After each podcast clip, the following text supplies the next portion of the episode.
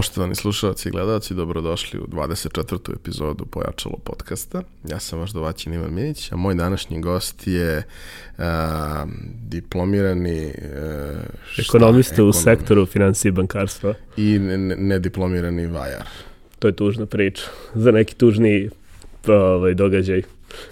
A, Goran Mirković. Goran Mirković, a, ako volite filmove, onda ste sigurno u nekom trenutku čitali njegove recenzije. Ako ne volite filmove, ako ste u ovoj nekoj našoj priči digitalnog marketinga, content marketinga i ostalih stvari, onda ga znate kao momka koji prethodnih nekoliko godina vrlo visoko pozicioniran u struci i bavi se nekim zaista sjajnim stvarima kada je u pitanju marketing sadržaja. A, kad smo pričali o tome, uh, ti si meni otprilike objasnio da uh, ti tokom celog svog ovaj, ono kao osnovnog obrazovanja i to sve nisi bio u stanju da napišeš pismeni. Ne, ne, bilo je zaista onako, od uvijek to bio problem, pogotovo još kad se vratimo u osnovnu školu, sve je krenulo od toga zašto sam prvo imao, jel, problema sa pisanjem, jer ja sam generalno levoruk, ali su me u školi terali da pišem desnom. I onda sam bio izuzetno spor i svaki put kad je bio neki pismen ili tako nešto, jako sam bio spor i kasnio sam i to mi stvorilo frustraciju, jer sam uvek držali posle časa, jel, da završim što imam radove. I uvek sam mrzeo zaista da pišem, nisam neko, neko, neko ko može da se pohvali da je pročitao more i more knjiga, najviše knjiga sam u životu zapravo pročitao kad sam skapirao da se neki film snima po njima, znači pored jel same stručne literature koju sam morao da bi se edukovao.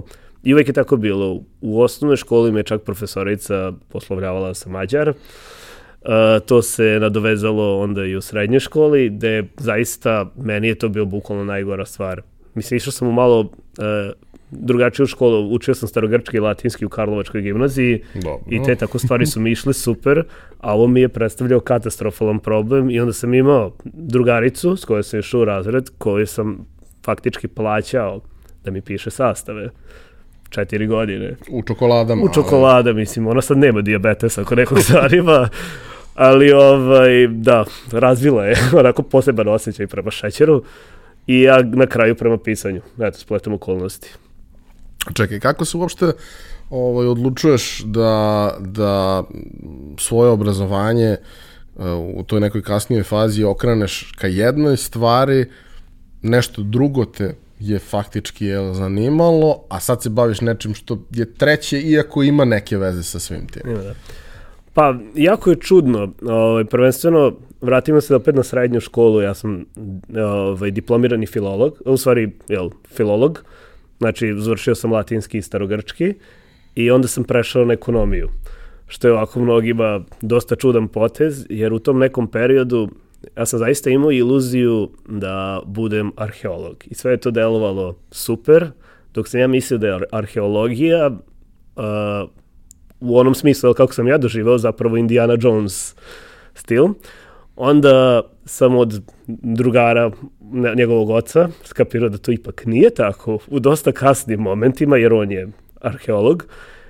I bilo je sistem panike. Hajde da ja upišem nešto uh, gde će možda da moći da se zaradi neka pristojna plata. To je fa, katastrofalna greška za svaku ko je tako uradio nešto u životu, verovatno znao o čemu pričam. I nekako upustio sam se u nešto što me zaista nije zanimalo. Mislim, završio sam ja fakultet u roku, sve je to bilo ok, ali uz teške mentalne napore, jer me je faktički svo vreme smaralo. U neku ruku, uh, taj prelazak iz jezičke gimnazije na studije gde imaš više matematike nego bilo čega druga. Ja sam matematiku faktički imao samo pro forme u srednjoj školi je ovaj, predstavljalo neke ono kao određene probleme, jer tu je bilo i statistike i svega, ali sam razvio neko interesovanje za neke druge predmete koji su bili vezani za marketing.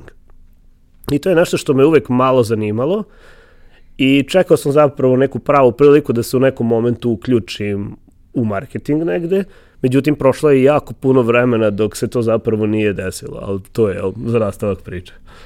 A u kom trenutku uh, počinješ da pišeš i zašto počinješ da pišeš i prosto kako se, kako se taj deo priče razvije, jer vrlo često kad pričamo sa ljudima, a, postoji ta neka fama o tome da, da je za pisanje potreban neverovatan talent, dar od Boga i da to ako ne naviru reči iz tebe na svaku temu koju ti neko kaže, da to prosto onda ne treba time da se baviš.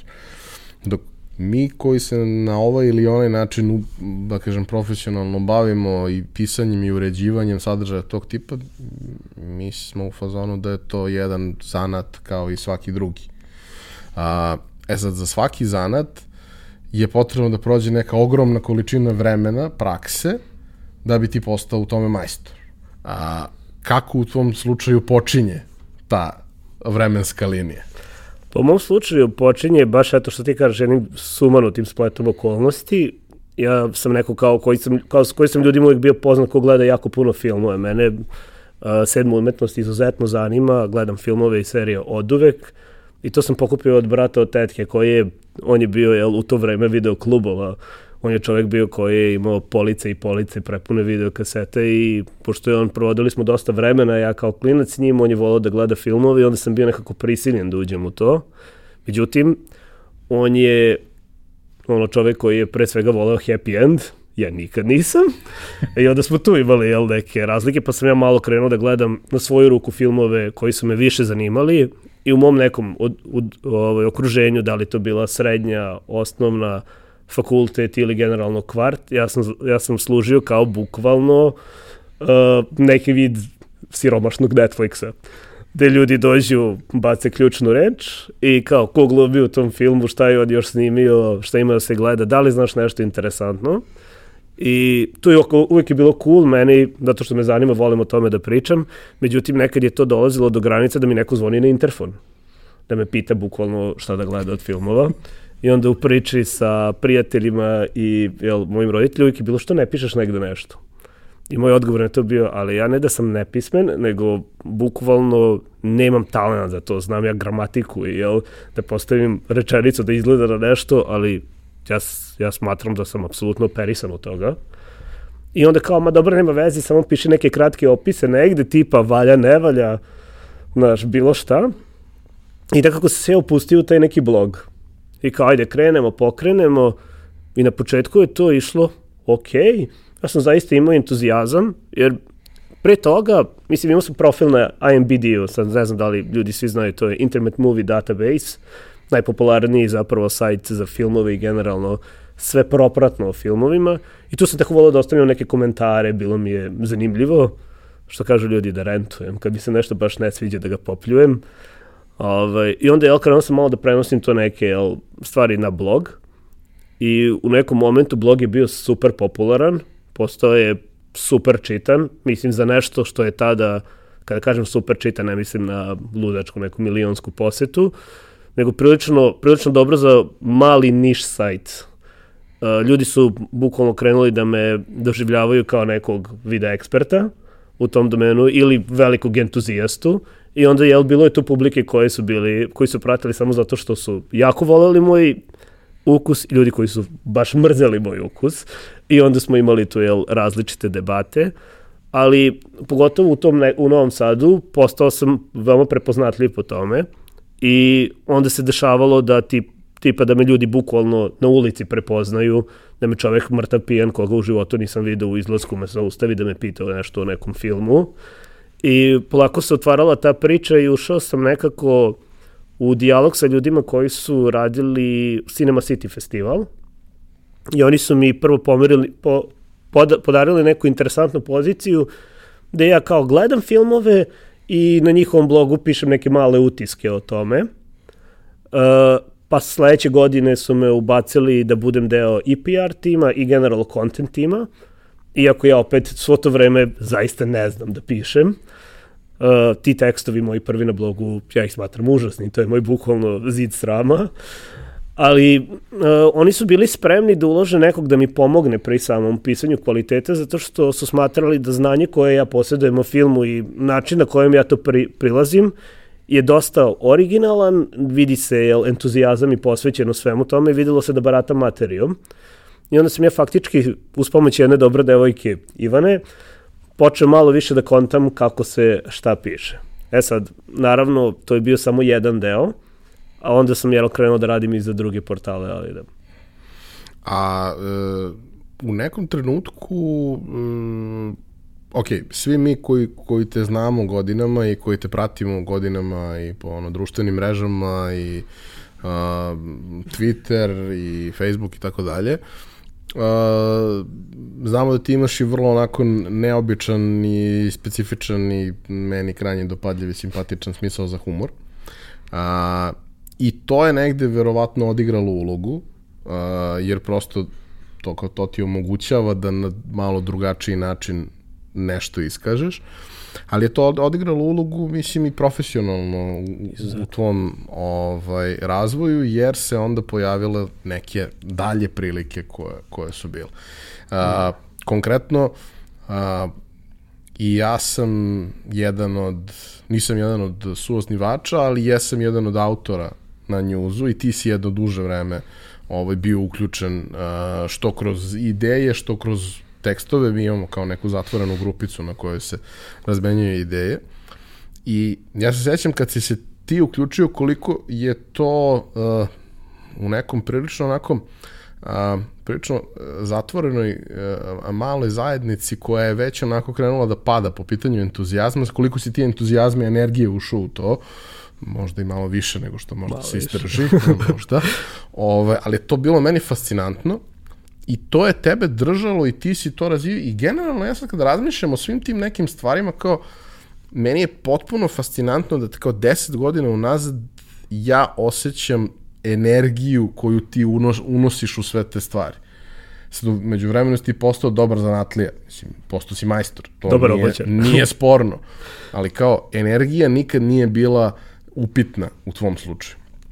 Šta se dešavalo i, i iz tvog ugla mi ispričaš šta se dešavalo uh, sa tim daljim pričama koje su proizašle iz tih nekih tvojih kratkih pisanija, kako je sve došlo do, do, do ovoga? Pa, mislim, stvarno spletom okolnosti, opet uh, ljudi govore i ovo i ono o društvenim mrežama i kao pozicioniranju sebe negde. U mom slučaju, meni je Twitter faktički napravio karijeru. Uh, ta, ta forma mi je tada zaista odgovarala, pošto opet kažem, ne znam da pišem, a imam jako puno ideje jako puno entuzijazma i sve o čemu sam ikad se bavio, bavio sam se stvarno 100%, makar entuzijazmom, iako nisam možda tada ulagao količinu trude koju sam trebao i učio onako kako sam zaista trebao. Ja sam uvijek bio onako kako fanatična osoba. Sve što zavolim i što mi se, po, po, što mi se jel da da radim, ja sam radio sa 100% entuzijazma, stalno sam to konta, uvek mi je bilo u glavi i trudio sam se jel da bukvalno celim bićem budem u tome. U tom nekom momentu opet taj Cinema City dolazi na, na, jel, na priču, jer oni su mi pored tog momenta što su mi dali pišem te tekstove, sledeće godine su mi dali ozbiljni zaista projekat da sa dvoje ljudi napišem ceo buklet i katalog za festival, što je za mene zaista i dalje mi je nekako velika čast, jer to je nešto što zauvek ostane. Posle festivala tu su sadržali, tu su bili opisi od preko 100 nešto filmova, koje je trebalo ispisati, istražiti, dati neki originalni moment, quote, što je jel, onako bilo meni tada posao iz snova, Međutim, ljudi su to jel, doživljavali neki kao još jednu šla, šljaku. Ja sam tražio, ako je moguće, da pogledam sve filmove pre nego što pišem. Mislim, takav sam entuzijazam imao prema svemu tome. I onda je taj Twitter se tu nekako javio. Sa nekih par ljudi koje sam znao su stalno pričali o njemu. Ja sam želeo da se ubacim u to čisto da vidim šta je.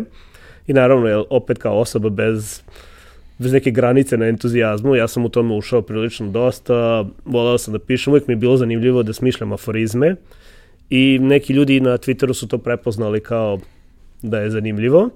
Među, jed, među glavnima je bio Dejan Nikolić, osnivač Newsneta i u jednom prilikom kad sam ga video na nekom druženju, vezano za neki projekat koji sam se slučajno našao da radim, on je meni bukvalno rekao u facu, a što ti ne pišeš za news? Ja sam rekao, pa zato što ne znam da pišem.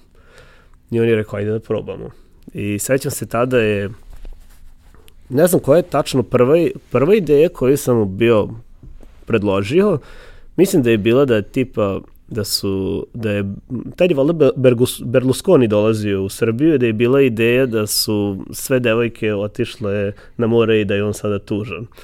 I to je kao bilo, pa onako, ok, ali sam imao neku drugu ideju koja je čak završila i u printu kasnije u Newsrovoj knjizi, da je tipa posle tuče izbila utakmica, I onako uspeo sam jel, da okrenem čelu priče, on je meni rekao kao to su vesti ogledalo i ja sam to shvatio bukvalno. I super je taj tekst prošao i onda se tu tako nešto javilo kad je on video da ja imam jel, jako puno ideja i da meni zaista tako te bizarne stvari tada dolaze u svakom minutu na pamet, onda je on mene čovek jednostavno forcirao i pokušao da me uključi u neki projekat. I ja sam to zaista tada jako cenio, jer i dalje imam tu neki jel, osjećaj u glavi da će se ja na kraju završiti na šalteru u banci.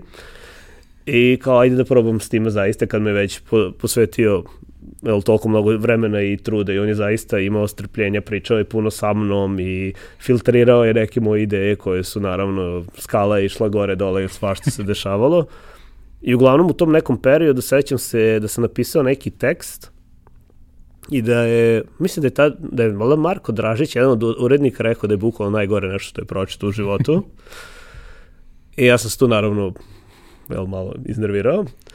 Pa sam odlučio bukvalno, ok, možda nemam talent, ali sam spreman da šljakam. I onda sam u principu jako, jako puno vremena i truda posvetio u čitanje medija, u pokušavanju da skontam kako funkcioniše jel, taj novinarski jezik stil kojim one piše i jako puno sam vremena dnevno odvajao kao bukvalno na posao za smišljanje novih ideja. I u tom nekom periodu da je on bukvalno nije teo da mi objavi tekst jer je smatrao da je loš, ja sam objavio zaista ogroman broj teksta, mislim da ih je bilo 16 ili 17 u naredne dve, tri nedelje, tako nešto. I onda se skapiralo da ipak, ok, ja možda ovo zaista ne, nemam prirodan talent, ne ide mi olako, ali ja to mogu da naučim. I kroz moju čitavu karijeru uh, zapravo je samo to crta koja je ostala, da, da sve mogu trudom da uradim. Naravno, na početku tih prvih par godina moj sadržaj je bio lošiji, pisao sam kratke tekstove, nisam imao dovoljno ideja.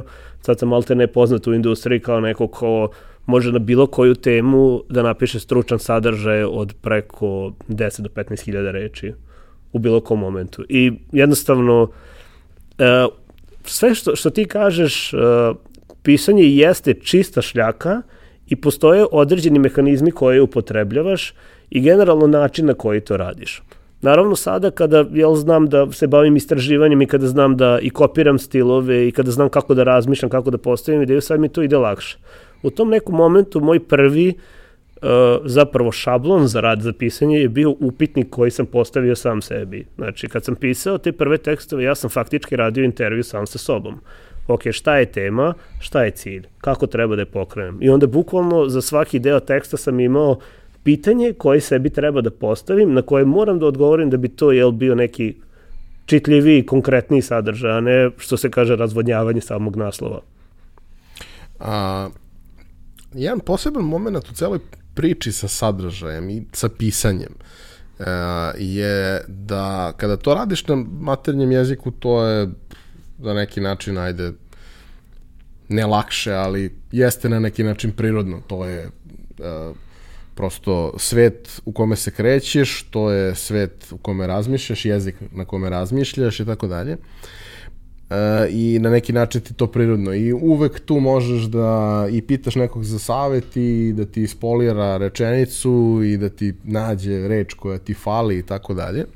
Međutim, jedna od stvari e, koja je meni uh, zaista fascinantna kod tebe je to što je meni osim što mi je zadovoljstvo, što ja stvarno fasciniran time kako ti pišeš na engleskom. A, moj engleski je jako dobar. većina nekih kolega koji dugo rade na, na jeziku, znaš, to postane jako dobro, ali to nema veze s pisanjem. To ima veze sa sporazumevanjem i sa tim nekim stvarima i tu jeste bitno da, da na neki način možeš jasno da se izraziš i tako dalje, ali kao a, tok misli, način na koji neke stvari pričaš, to je već nešto drugo. Kako si ti uopšte došao do toga da možeš da se tako moćno izraziš na jeziku koji ti nije materijni? Pa, super pitanje. zapravo, jako puno toga je došlo od samih filmova, jer kada ti slušaš jel, neki jezik konstantno i stalno si mu izložen, ali ne u fazonu kao jel, servisnih informacija, nego zaista nekog slenga koji se upotrebljava u određenim krugovima kako ljudi jel, zapravo komuniciraju, to nekako uđe u uši i onda pokušavaš da oponašaš to. Međutim, kada se piše za neki biznis ili tako nešto negde gde nemam iskustva, ja ono što radim, uradim velik domaći zadatak. Zapravo čitam jako puno sadržaja pre samog pisanja na tu temu, pokušavam da nađem neke intervjue ili i što, što u pisanoj formi, što u audio formi da čujem sam način komunikacije i generalno fraze koje se koriste. Pratim po različitim Facebook, LinkedIn grupama, znači trudim se da što dublje uđem u svet tih ljudi. I to je kao formiranje te, što se kaže, idealne persone, nešto što zaista svima predlažem u, u kako se zove, u content marketingu, jeste da ti, ako hoćeš nekome da se obratiš, efektno, moraš da znaš kako ta osoba razmišlja, koje reči koristi, kako misli, koje primere su njemu poznati. Neki primeri koji su meni poznati, koje ja, na primer, koristim, je često, na primjer, content marketing is not a sprint, it's a marathon, to nekome jednostavno nije poznato. Je, nema, nije mu sam pojam sporta i blizak i onda moram da nađem bolju varijantu. Tako da se generalno trudim da što dublje uđem u materiju pre nego što, što krenem bilo šta da pišem, jer je jako važno s čovekom dati ono, da on klimne glavom kada vidi makar prvu rečenicu u tekstu. A u kom trenutku uh, pošto, pošto se dotekao teme content marketinga, to jeste nešto što treba da bude kruna ovog našeg razgovora. A, u kom trenutku ti od ono dečka koji nije znao da piše, pa je naučio da piše da ga nije sramota, ali srećan je što radi to što radi jer voli to da radi, ali dalje ga malo sramota kako to sve radi, uh, kapiraš da zapravo to može da bude alat, jer uh, i dan danas zapravo vrlo malo ljudi shvata šta znači content marketing. Ajde, da. probaj da objasniš šta je to i probaj da mi napraviš uh, intro kako si ti uopšte došao do toga. Uh mhm. -huh. Pa dobro, content marketing je nešto što kao, kao što sam znaš postoji milijardu različitih definicija. Uh, Ono što ja smatram da je najpreciznije objašnjenje jeste da se e, da je to proces e, planiranja, kreiranja i plasiranja sadržaja koji je krojen po meri određene ciljne grupe sa ciljem dubokog povezivanja sa samim brendom ili jel, osobe od koje dolazi, šta je, dolazi sadržaj i na kraju jer ostvarivanje profita različitog. Jer svaki content marketing treba da ima neki cilj. Naravno, postoje različiti pristupa content marketingu, onako kako ga ja pristupam jeste da je on nešto što je upravo što ti kažeš ale, što treba da doda novu dimenziju određenom brendu. Iz toga content marketing mora da bude dokumentovana strategija, mora da ima dokumentovanu strategiju, mora da ima cilj i mora jednostavno da zna kome se obraća i kako i da pokriva sve faze prodajnog levka, tako ili sales funnel, kako ga kod, kogod naziva. Ono što, što je mene nateralo da uđem u content marketing jeste opet uh, moj čist uh, entuzijazam prema stvarima. Ja sam krenuo da pišem i video sam, uh, pokušavao sam da nađem koje su moje mogućnosti. U nekom momentu sam skapirao da je to pisanje postao neki moj skill, odnosno veština i ono što mi je bilo na umu, jel, imam tu neku malu biznis crtu, kako ja to što bolje da unovčim šta ja zapravo mogu sa svojim pisanjem da uradim sa ovim novim skillom, da to bude nekome zaista vredno i važno. Jer jako mnogo ljudi pišu danas kolumne i ovako i onako za časopise i koji su čitani i ne. On, ja sam želeo da iskoristim maksimum iz svega toga i onda sam krenuo malo da čitam i nalašao sam nešto što se zove content marketing. I onda sam malo više počeo da učim o tome šta je to zapravo, da to nije samo pisanje, da je to bukvalno svaki vid komunikacije koji dolazi iz brenda, da ti kao neko ko se bavi kontentom postaješ glas nekog brenda, njegov stav, sve. Jer u današnjem jel, način na koji se storytelling radi se u potpunosti promenio od pre 30 godina i jednostavno ljudi prave sada znak jednakosti između jel, korisnika i brenda i ono što mora da se radi jeste da se napravi konekcija zašto je taj brend poseban. Pored toga, jel što danas nekako u svaku industriju koju zaviriš ti imaš uh, jako puno kompanija koje su konkurentne i svi su nekako shvatili da je kvalitet proizvoda nešto što se podrazumeva, da je, da jako lako otpadaju oni koji nemaju kvalitetan proizvod i onda se šta se sad dešava, postoji jako velika potreba da se kompanije, odnosno brendovi njihove proizvodi učine posebnim kod korisnika, znači zašto bi baš ti trebao to da kupiš.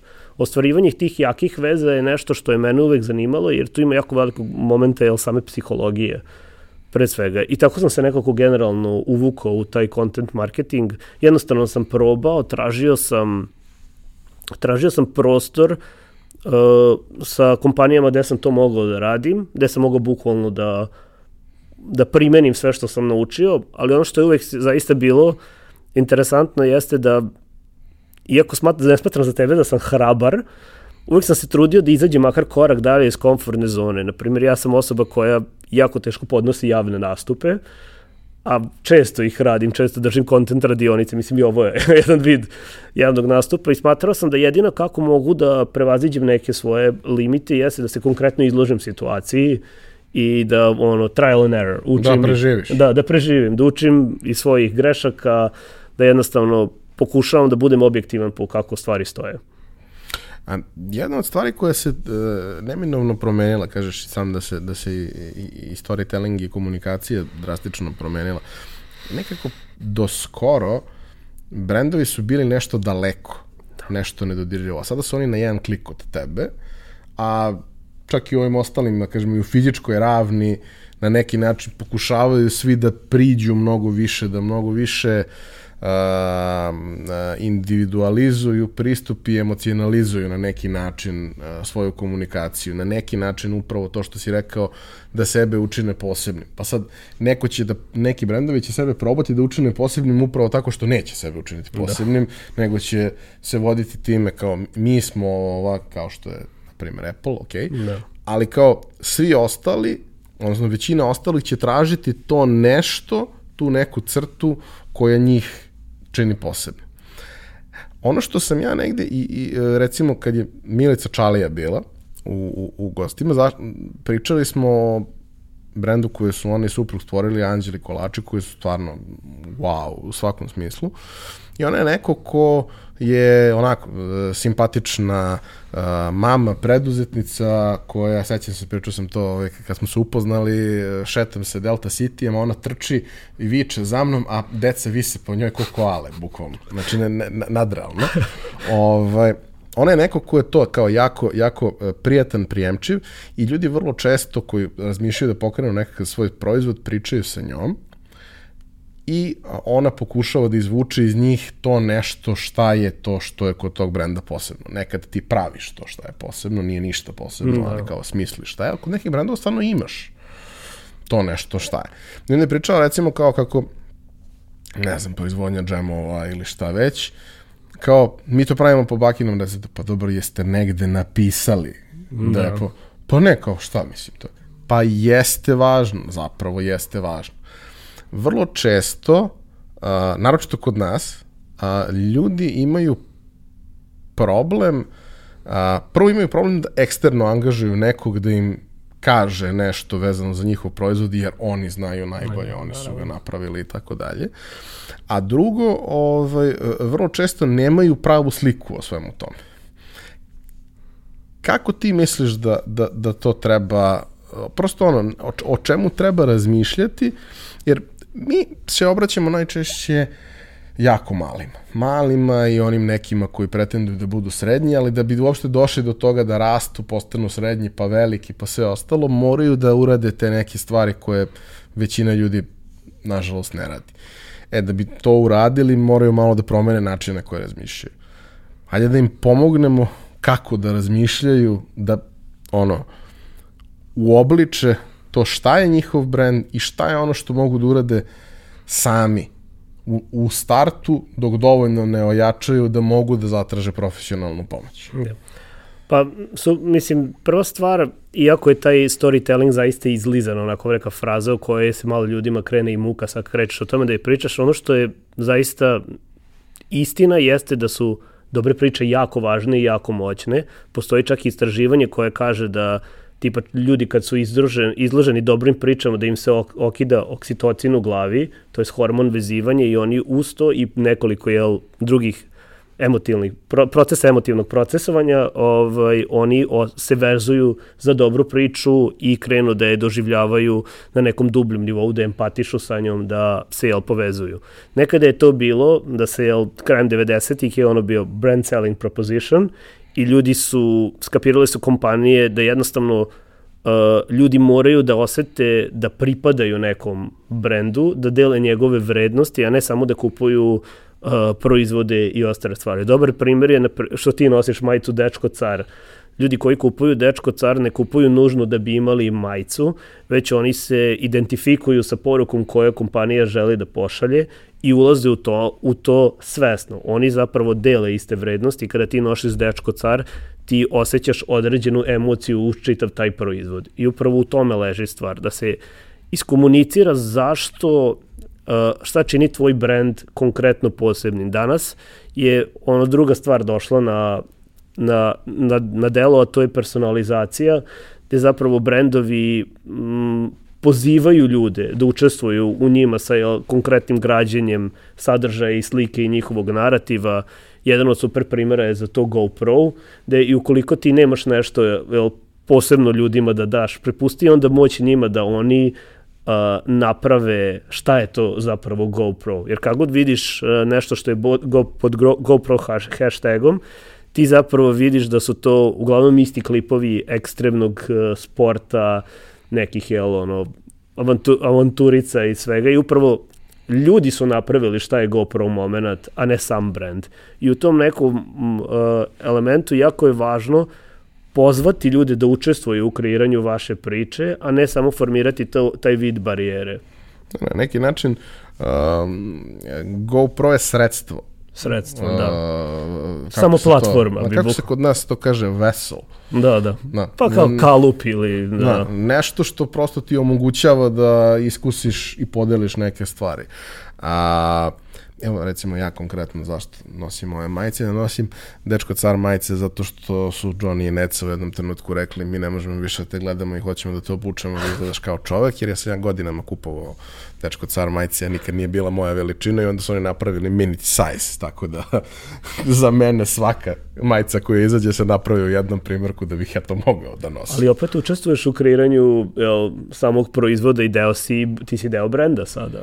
Teo, Na neki način teo. čini mi se kao da a, analizirajući to, čitajući o tome, baveći se time opet sa nekog aspekta fenomenologije, a, čini mi se kao uh, ako bismo pojednostavili da smo iz uh, priče o tome uh, uh, mi smo brand i ovo smo mi došli do toga da mi smo brand i ovo ste vi. Da. Odnosno, mi sada pričamo priču o vama, a mi smo deo te priče. Tako je. Mi sebe smeštamo u dobru priču o vama. I da, bukvalno je komunikacija platforma. na taj način. Samo smo platforma, mi to radimo, ja to radim generalno sa velikom brojem mojih klijenata, objašnjavam im vrednost user generated contenta i, general, i pravljenja stvari poput use case-eva, gde se vide konkretne priče ko koristi vaš brand. U, slu, u slučaju da vi radite, na primjer, kao ova kompanija u kojoj trenutno ja radim, da radite sa novinarima, ako jedan od vaših klijenata su Deutsche Zeitung, veoma poštovan i, i velik publisher iz Nemačke, vi ćete u nekom momentu dobiti pažnju svih onih koji žele da budu su Deutsche Zeitung jer se u nekom momentu povezuju sa istim vrednostima i samim time vaš brand dobija na vrednosti, jer ne dobija samo na vrednosti od proizvoda, nego od ljudi koje čine vaše konzumente. Oni su zapravo vaš najvredniji resurs. A, u tvojoj profesionalnoj karijeri a, ti si jedno vreme radio u agenciji Four Dots, gde ti je posao bio da radiš sa različitim klijentima, specifične neke priče koje je trebalo da se ispričaju. Sada si, da kažemo, u, u Content Insightsu gde se primarno baviš samim proizvodom, gde na neki način imaš jeli, mnogo veću i, i, i kontrolu i priliku da malo upravljaš nekim stvarima, nije samo ono što ti je dato, pa sad ti sa tim napravi nešto, nego sad ti možeš i da biraš malo u kom smeru hoćeš da se stvar razvija. A, šta su neka zanimljiva iskustva koja, si, koja, koja vučeš iz one prethodne priče? A, šta ti je to doneo rad sa različitim klijentima a, gde postoje, da kažemo, prilično striktni okviri u kojima moraš da se kreći. Ti se radi u nekim industrijama gde je prilično triki bilo kakvu priču ispričati, a uspeo si da ispričaš dobro. Da. Mislim, prve, prve priče koje sam radio, koja je bila tog levela težine, je bio web hosting, to kao što znaš sam je prilično onako flat. I, I dosada. No, I dosada, i trebalo ga je učiniti zanimljivo. Mislim, super je to generalno išlo, jer mi smo razvijali čitav ton i ovaj, način komunikacije i sistem vrednosti za taj brand koji je u jednom momentu bio u malo nekoj problematičnoj situaciji. Uh, pa jel, uspeli smo da isplivamo iz svega toga. A rad sa klijentima u tom smislu u Ford Ocu, a i generalno jel, individualno što radim sa njima, je, je uvek zapravo vredan jer ti daje dimenziju. Uh, naravno, postoje, kao što si rekao, content marketing je i pisanje samo je fora, šljaka, zapravo nešto što može da se nauči i postoje određeni procesi koje se primenjuju da bi ti naučio ciljnoj grupi koju ta firma ili biznis gađa i kako jel oni, što se kaže, koriste internet, koje informacije im fale, kako pretražuju, šta je nešto što ih zanima, šta je nešto što ih zanima, šta je nešto što ih ljuti, šta je nešto što ih čini srećnih, što ih tera da se povezuje. I onda na konto toga, kad se tome priđe strategijski, nije toliko teško ispriča, ispričati priču brenda ako taj brend sam po sebi ne nudi loš proizvod dobar proizvod je polazna tačka svega, mada ne nužno, ali je dosta važno da... Dosta je lakše. Dosta je lakše, da, i ljudi onda zapravo dobiju ono što im treba.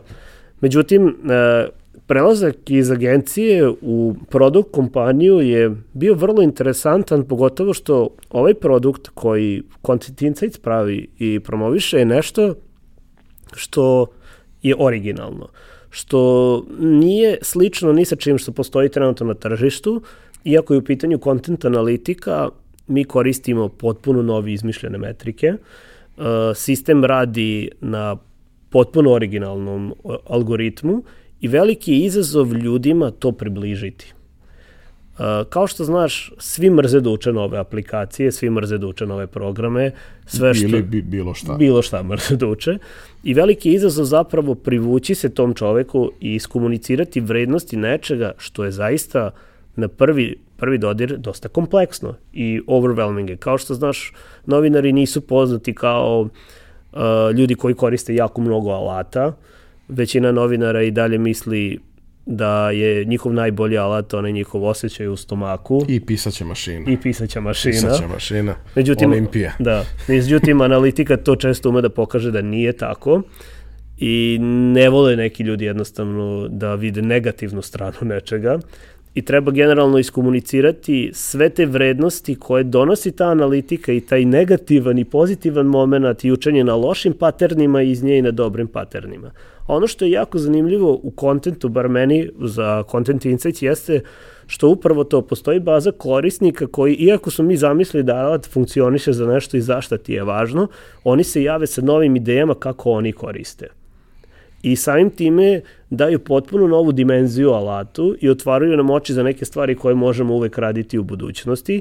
I meni je generalno najveća satisfakcija ovde, zato što ja konkretno pričam priču jednog brenda, mogu potpuno misle da mu se posvetim osim situacije gde radiš sa klijentom i ulaziš u samo određenim fazama posla da je pomogneš brendu. A, zanimljivo je da e, sad već sa, sa, nekoliko gostiju se dotičemo tog trenutka u kome pričamo o tome da postoji mnoštvo nekakvih podataka negde svuda oko nas koje uh, je tu pa je tu, a sad naš zadatak je da na ovaj ili onaj način probamo da izvučemo iz toga one stvari koje su relevantne i iskoristimo ih ne bili neke odluke doneli bolje. I uh, vrlo često kad pričamo sa, sa, sa ljudima koji, da kažem, uh, nisu iz ove naše priče, nisu navikli da im je ono kao ustanova jutro otvora Analytics, uh, oni ne, ne, ne vide te podatke. Oni ne znaju da su oni tu. tek kad im kažeš ali to, to, to i to je prosto nešto što ostaje iza i možeš da ih ispratiš, Neko, a, kao, ja, znaš, kao, uopšte nisam razmišljao o tome, ne znam, od najbanalnijih stvari, kao, imaš fiskalnu kasu, imaš kafić, imaš fiskalnu kasu i, i imaš softver za, za kafić, kao ti zapravo možeš da izvučeš statistiku po stolu u zavisnosti od godišnjeg doba, doba dana, temperature, svih tih nekih stvari.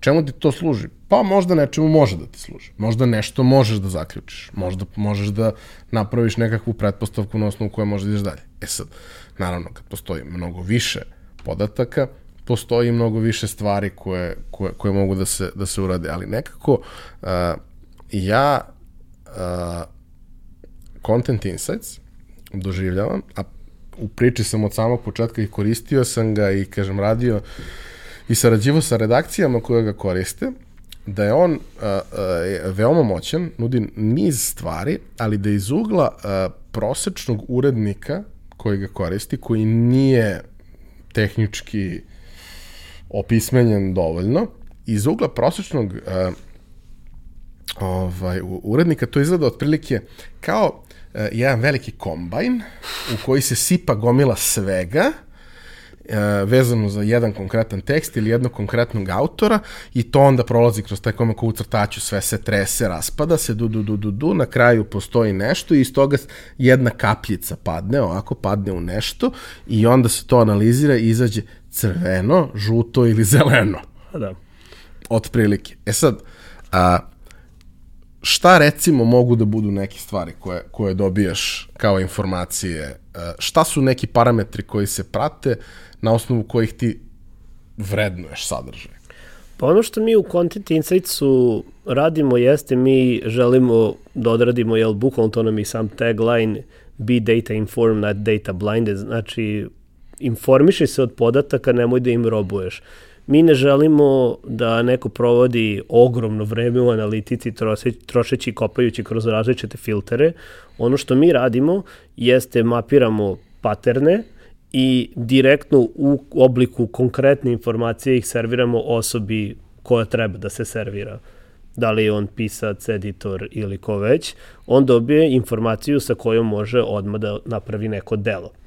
Uh, Content Insights prati tri modela ponašanja, prati engagement, loyalty, exposure i mi imamo taj neki algoritam koji se zove CPI i ono što mi zapravo kalkulišemo, mi ne kalkulišemo uh, jednostavne browser metrike, znači metrike samih pretraživača, mi računamo ljudsko ponašanje iza čitave jel, priče, kako ljudi zapravo stupe u kontakt sa samim sadržajem, koliko oni duboko i posvećeno čitaju sadržaj, Uh, da li izaže iz nekog sadržaja i prelaze na drugi, iz kojih kanala dolaze, koliko su duboko investirani u samu temu, koje sekcije rade, koje sekcije ne rade. Koji autori rade. Koji autori rade. To je, to je, to je prilično ovako I koji važno. autori, koje teme koje teme. rade. Jer, na primjer, mnogi od naših klijenata upravo zato koriste content insight čisto da, da vide da li nekim autorima idu dobro ili loše ili neke teme i dešavalo se na primjer baš na levelu sport kluba, gde su za jednog autora skapirali da mu neke teme idu mnogo bolje nego druge, da mu ide više onaj format dužeg, dužeg jel, karaktera, bolje nego kraćeg i jednostavno su po, podigli njegove performanse i vrednost koje dobijaju od njegovog rada. U principu najviše se content, content insights koristi za to, za kontrolisanje samog uh, medija i poboljšavanje njegovog rasta i za razumevanje publike. Publike, da, to je. Jer uh, čak ako, ako krenemo od tih najbazičnijih stvari, ako krenemo od Google analitike koju jel manje više svi imaju integrisanu danas, odnosno no. svako ko ima ikakvu svest ima sigurno integrisanu. Da. I to je dobar početak, da ti yes. znaš koliko strana prosečno korisnik pročita, koliko je vreme zadržavanja, koje browser može da oceni, to možda i nije tačno, ali imaš neki, neku predstavu, nisi baš potpuno ovaj, u mraku, da. zasl, da. da, ili zaslepljen ili potpuno u mraku.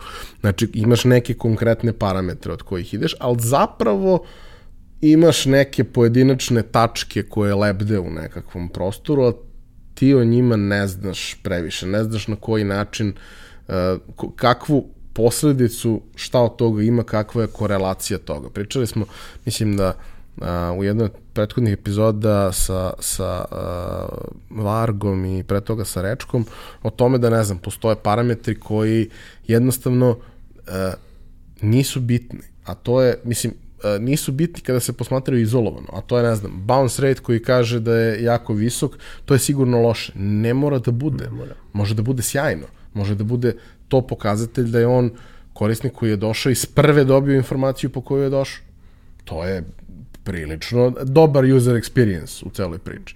Onda, ne znam, zadržavanje na stranici je kratko. Pa možda nije kratko, možda samo browser ne može da izmeri to jer nije bilo nikakve akcije. On je došao na stranicu, scrollovo je nešto negde, scrollovo je narednih 5 minuta, ali nije otišao nigde i browser kaže on je bio tu samo dok nije krenulo da scrolluje. On ne zna šta se, kako se korisnik ponaša dalje. Ovde, dakle, imamo na neki način uh, uh, uh, behavioralističke metode u, na neki način iskorišćene da se uh, cela priča predstavi razum, na razumljiv način onome ko, ko tu treba da bude autor. Jer Tako. urednik nije analitičar Nije. i ne može da bude. Ne, da. Ili, mislim, ne može da bude urednik ili ne može da bude analitičar. Jedno od ta dva. Da. Mora da razume kako, kako stvar funkcioniše. Pa da, u tom nekom momentu njega generalno ne zanima pretarano šta se dešava ispod haube. Ono što njemu treba jeste konkretne informacije sa kojom će da radi. Ono što mi kao Content Insights radimo, mi imamo te kompleks metrike koje su zapravo kombinacije drugih metrika da biste jel, ustanovili određeni paterni ponašanja. Page views m, realno ne daju te informacije. Prvenstveno Google Analitika je namenjena za e-commerce i ljudi, ga koriste, ljudi je koriste za sadržaj u nedostatku boljeg alata u nekim momentima, ali uh, u samom page view vam je bukvalno kao da ja uđem u ovu prostoriju i sad ne znate da li ja radim podcast, da li ja smetam, da li ja gledam nešto ili samo stojim ovde u prostoriji. I u tom nekom momentu su to nepotpune informacije sa kojim vi treba da radite, pogotovo ako ste, ko, ako ste neko ko objavljuje ogromne količine sadržaja, trošite ogromne resurse i kao što je većina medija se bori za goli opstanak.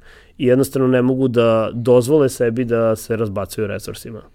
U nekom trenutku na samom početku, ja koliko se sećam, Content Insights je imao upravo i taj neki moment, uh, sada se to više ne koristi toliko u komunikaciji, nisam sretao, ali bukvalno je bio i moment, uh, evo, ako imate, ako imate freelance autore, honorarce, uh, ovo vam je mogućnost da znate ko vam donosi najveću vrednost. Na neki način ono, možete da ispratite pa da kroz bonuse rešavate to što vam je neki autor zaista značajniji mnogo od ostalih. Naprimjer, tako neka komunikacija je bila i zapravo, ok, to je pre pet godina, ali zapravo i ta premisa je vrlo, vrlo vredna, jer danas je mnogo ozbiljnih redakcija koje ne izgledaju kako su izgledale redakcije pre 60 godina sa gomilom pisaćih mašina Olimpije.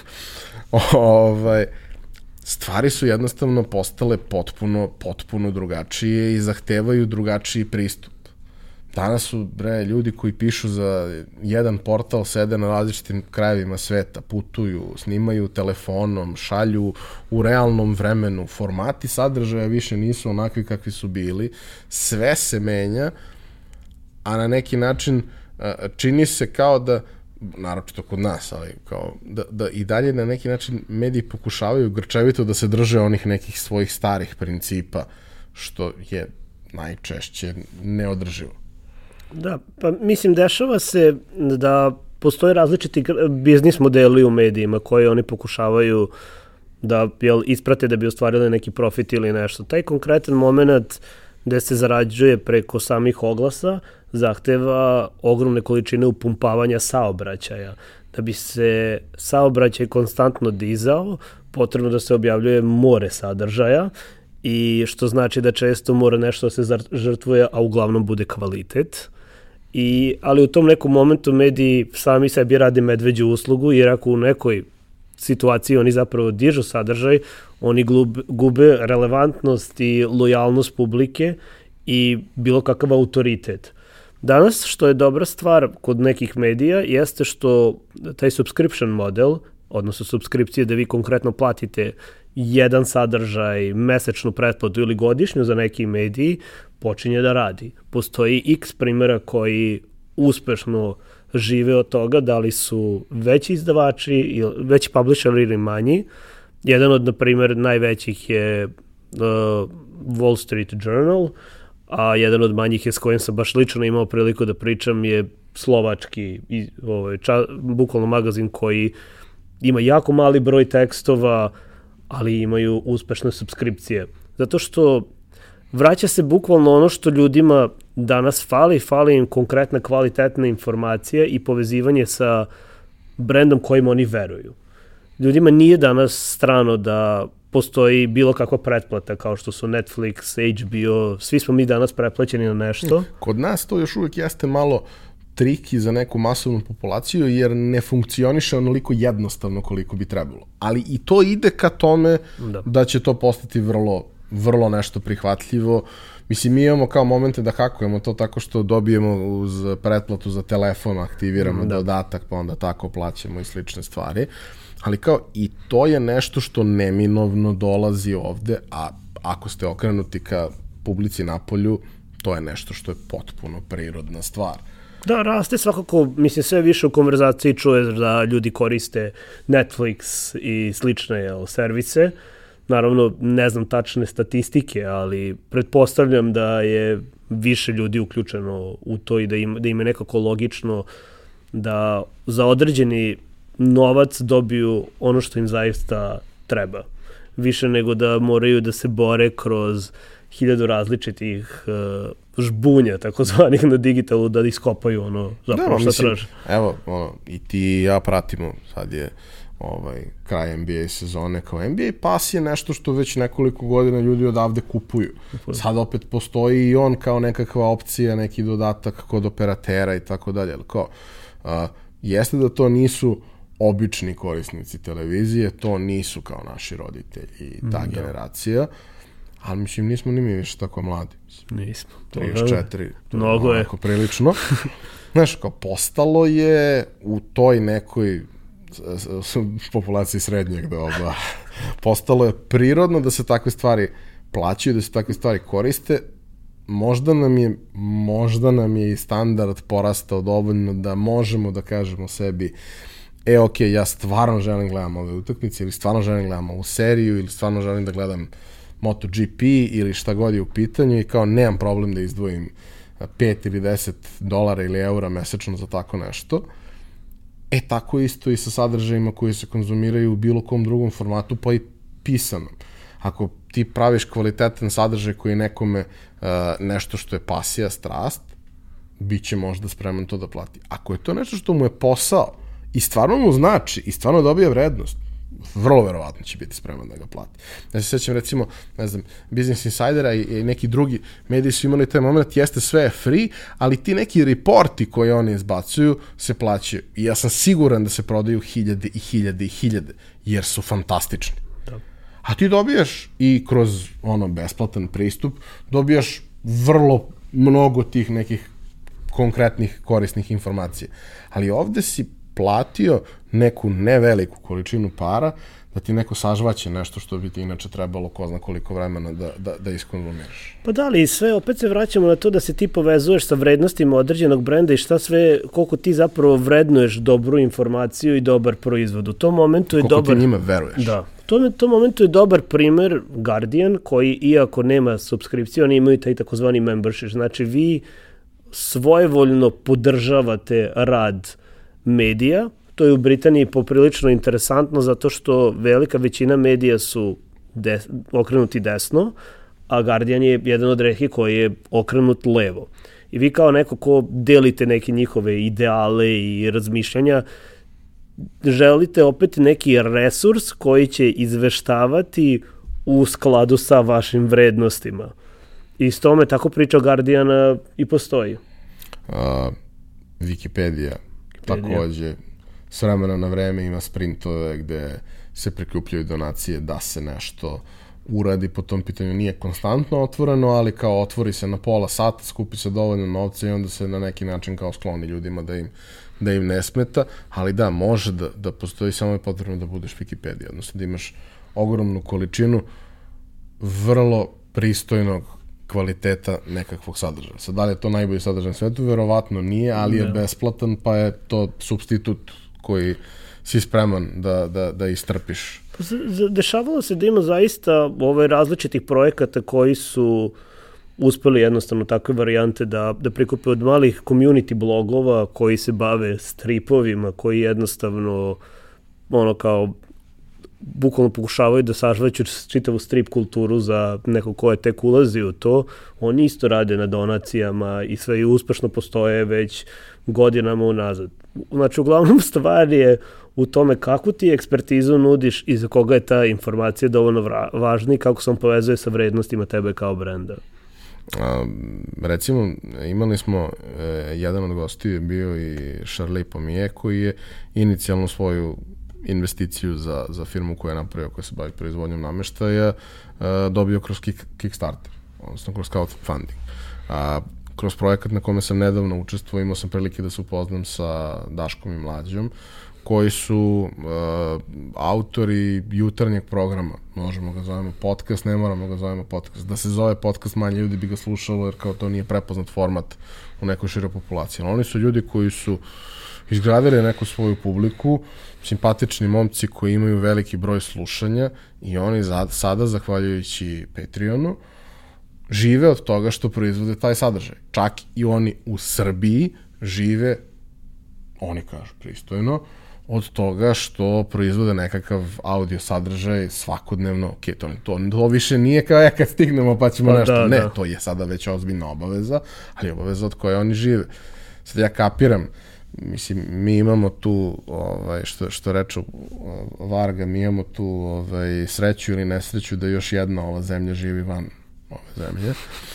Pa na neki način imaš te neke ljude tamo koji su tamo navikli da žive na određeni način i dalje žele da to konzumiraju, pa ti je to možda okosnica publike koja ti donira, ali opet, znaš kao, postoji dovoljno ljudi koji su spremni da stanu iza nečega takvog i da se ta publika lagano gradi i da ti kao ako, ako želiš kao kreator da ulažeš u tu priču, možeš to da radiš, proizvodiš nešto, ne moraš se oslanjaš samo na to, znaš kako kod nas imaš mnogo content kreatora koji su krenuli da posmatraju YouTube kao svoju jedinu platformu za tako nešto i pošto kod nas od YouTube-a realno od samog YouTube-a ne može da se živi, uh, onda se živi od svega ostalog, priča Ašković o tome, to ti ono kao, da. sve je product placement što postoji, znači, ono da. se subtilno, kao i što smo naši ljudi generalno prilično subtilno. Pitanje je koliko će toga da traje, jer mislim da u tom momentu influencera vidi se da ljudi bukvalno i prihvataju saradnju sa svim mogućim brendovima, umesto da se jel, kontekstualno to više realizuje, pa bi samo bilo bolje. Ja sam sa sreće imao prilike da radim sa brendovima kontekstualno, upravo na kontu svog bloga, ali ovaj, jednostavno različiti formati je nešto što je danas postalo normalno i što je osnovni deo storytellinga. Što ti spomenuo si baš podcaste, uh, sve ih je više i ovde, ali evo na primjer istraživanje kompanije Convince and Convert su uradili da zaista milion Amerikanaca posluša makar jedan podcast mesečno, što je og ogroman broj. 0,3%. Ali opet. Ali opet to je opet, milion. milion. Da, a mislim, ono, uh, prosto mislim da nemamo možda naviku da uh, neke stvari konzumiramo na jedan malo drugačiji način. Znaš, mislim da uh, su neke priče vremenom se ugasile, a nisu morale da se ugase, ugasile su se jer nisu mogle da prežive na oglasnom modelu oglašavanja. A nisu morale da se ugase jer su vrlo verovatno mogle da prežive na drugom oglasnom modelu. Da li je to merchandising, da li je to ono, ne, nema donacija, nema toga, ali ima jedno mesečno event, pa na eventu se nešto pravi ili nešto tako, ali kao da malo se uh, da kažem, ljudi postave drugačije i krenu da razmišljaju o alternativnim biznis modelima i o alternativnim izvorima finansiranja za stvari koje rade.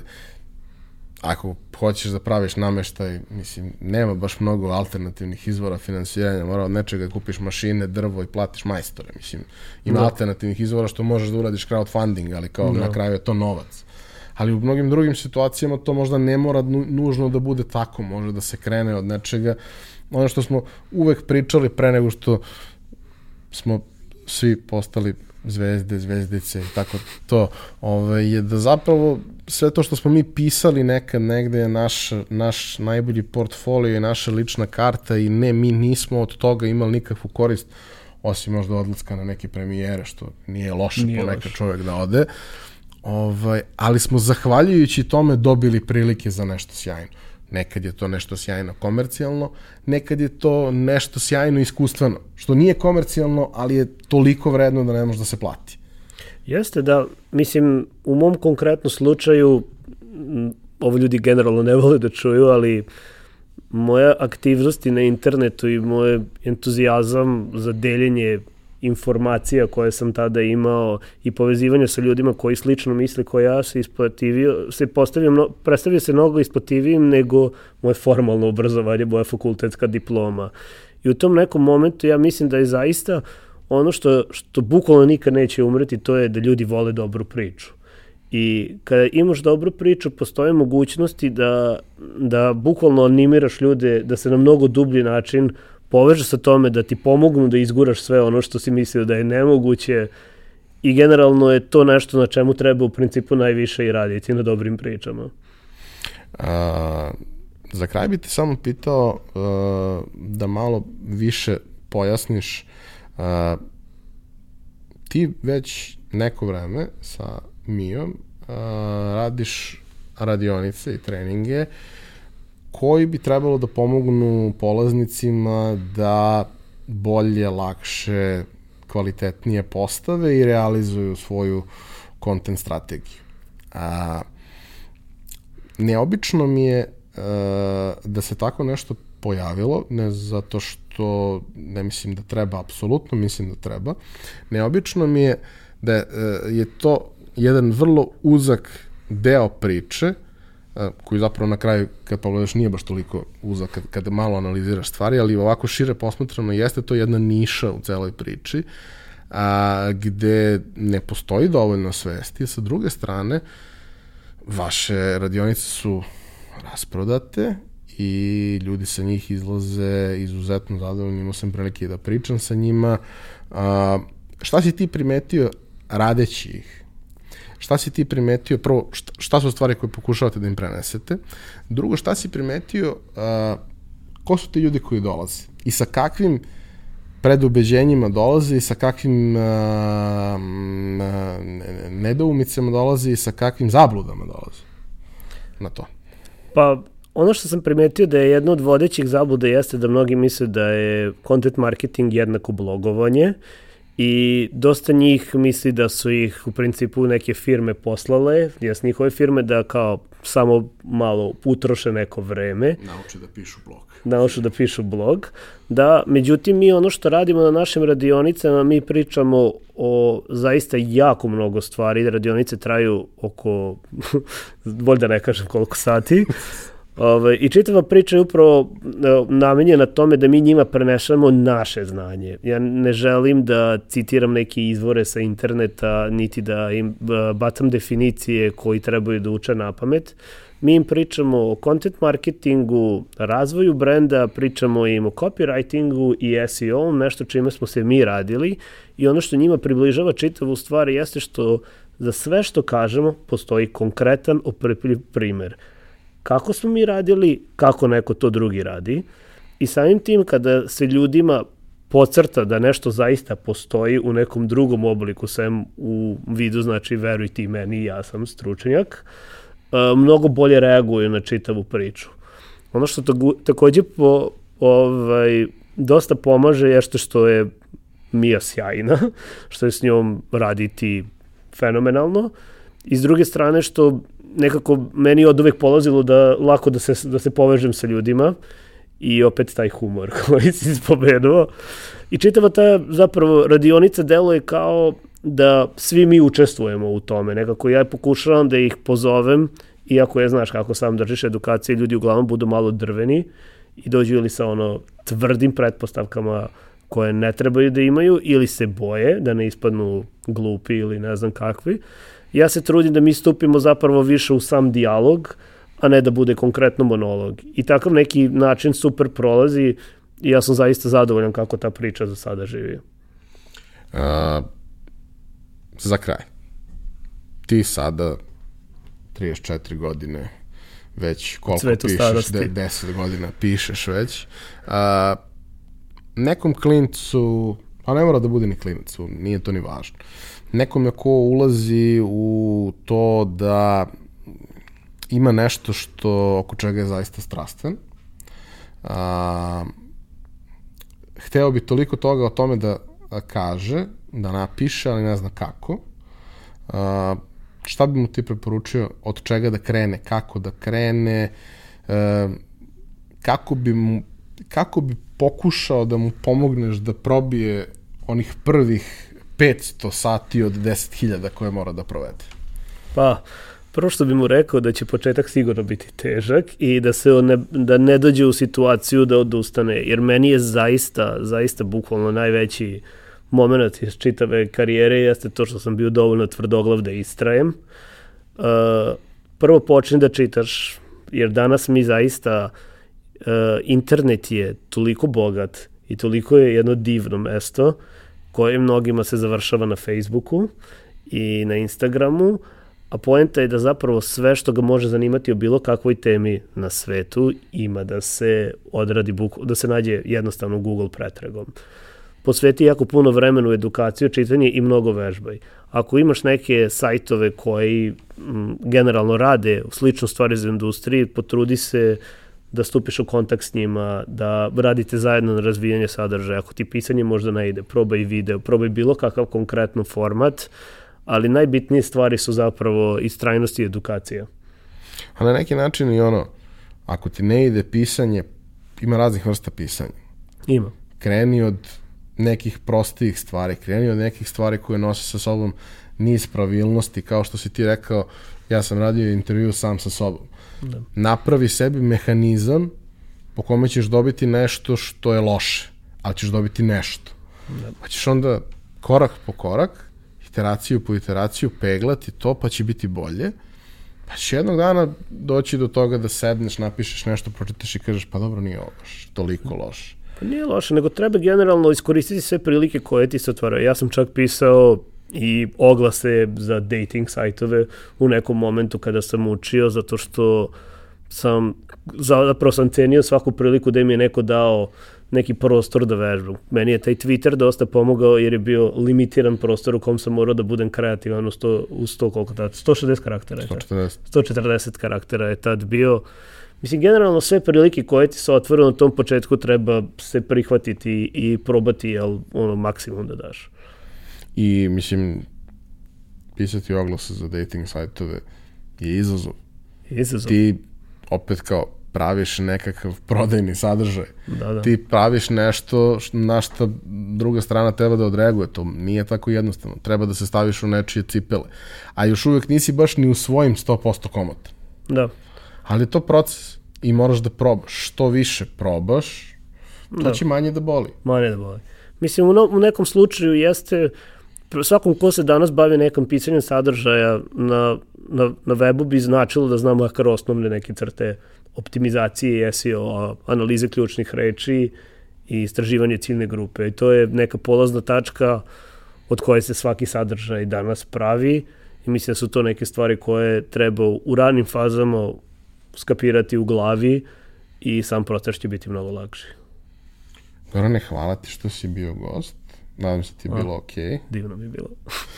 A, Poštovani slušalci i gledalci, vama hvala na pažnji ovaj, kao i do sada. A, sve vaše komentare i kritike i ideje pošaljite nam na za to predviđena mesta na društvenim mrežama ili nam pišite preko sajta ili nam kažete na druženju, ali da, zaista nije fraza, zaista želimo da čujemo vaše mišljenje i želimo da probamo da crowdsourcujemo da ova stvar bude još bolje jer ne mislimo da smo najpametniji.